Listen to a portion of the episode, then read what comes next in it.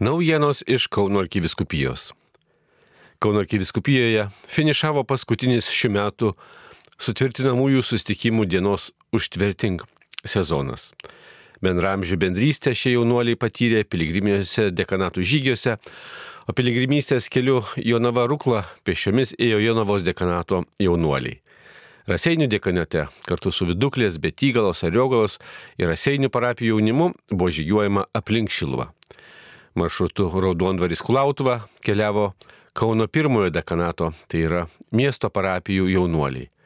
Kauno antrojo dekanato Jurbarko jaunimas per šeštinės irgi žengė tėvo link eidami maršrutu Raudondvaris Kulautuva.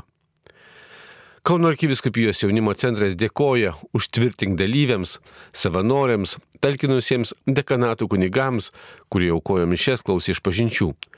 Gausiausiai net keliolika kunigų patarnavo kauniečių piligrimystėje.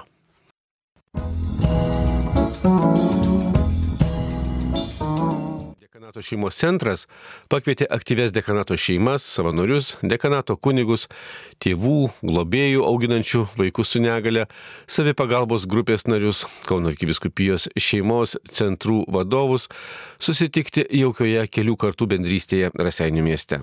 Mums tėvams ta diena buvo šviesi ir gedra, ne vien saulė, bet ir drąsinanti, kad mes esame Dievo bažnyčia, ne pastatas. Visi kartu mes stiprus ir drąsus, galim suremti pečius. Ir tik kartu galim aukti dvasiškai, išlikti tikėjime. Po vieną atskirai net laikytume pasaulio šurmulio ir įtakų. Visus mus vienyje Dievas ir malda. Ir skirstytis namo niekas neskubėjo. Tapome vienas kitam dar truputį artimesni. Pasibaigų šventėje liudijo šeimos, kuo joms svarbi tokia tarpusavio bendrystė. Šeimos diena buvo švenčiama ir Kedainiuose, Švento Juozapo parapijoje. Prie šventės prisijungė ir 30 metų Kedainiuose gyvuojanti Kolpingo šeimos grupė.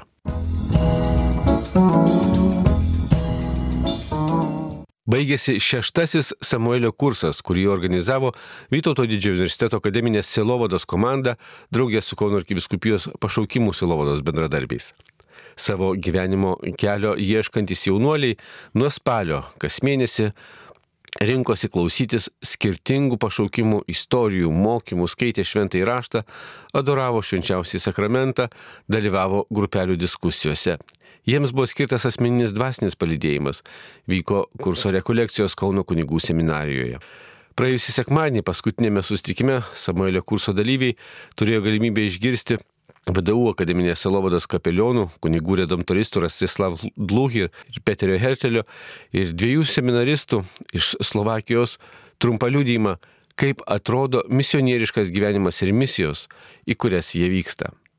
Taip pat buvo proga pasiklausyti gyvų įspūdžių iš šiuo metu vykusios misijų savaitės Elektrėnų mieste.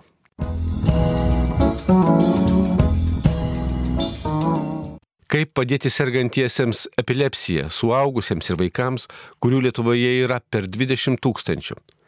Lietuvos ir Vokietijos medikai, socialiniai darbuotojai, karito atstovai sprendimų ieškojo tarptautinėje konferencijoje pavadintoje Kitas ir būti kitokiu sergant epilepsiją - psichosocialinio konsultavimo iššūkiai.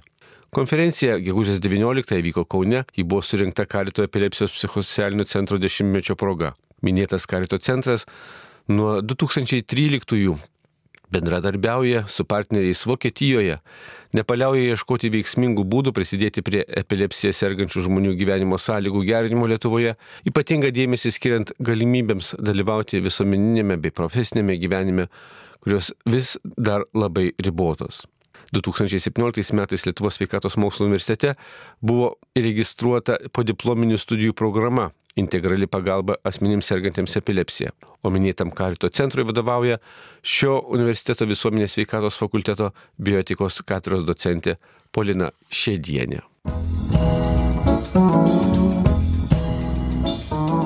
Vokietijoje, Augsburgė, gegužės 3-5 vyko 7 Europos karito darbo grupės sustikimas, kuriame Lietuvos, Vokietijos, Prancūzijos, Ispanijos, Portugalijos, Moldovos ir Albanijos karito atstovai aptarė teistų asmenų situaciją ir galimas veiklos gairės.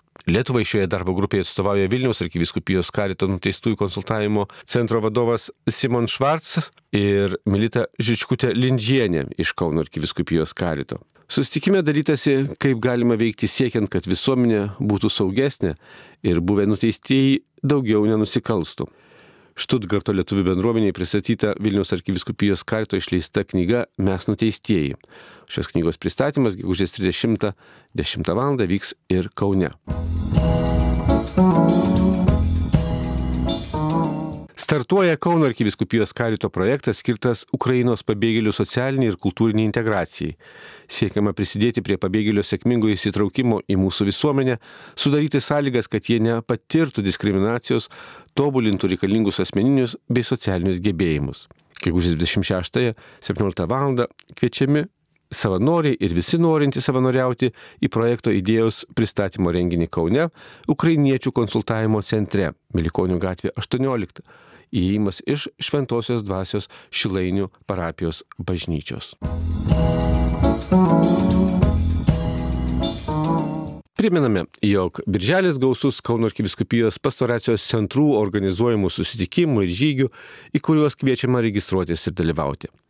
Ant Birželio 10-ąją jaunimas, šeimos, mokytojai, katechetai, dėstytojai kviečiami į gyvąją piligrimystę keliaujant į Šilvą net keturiais skirtingais maršrutais.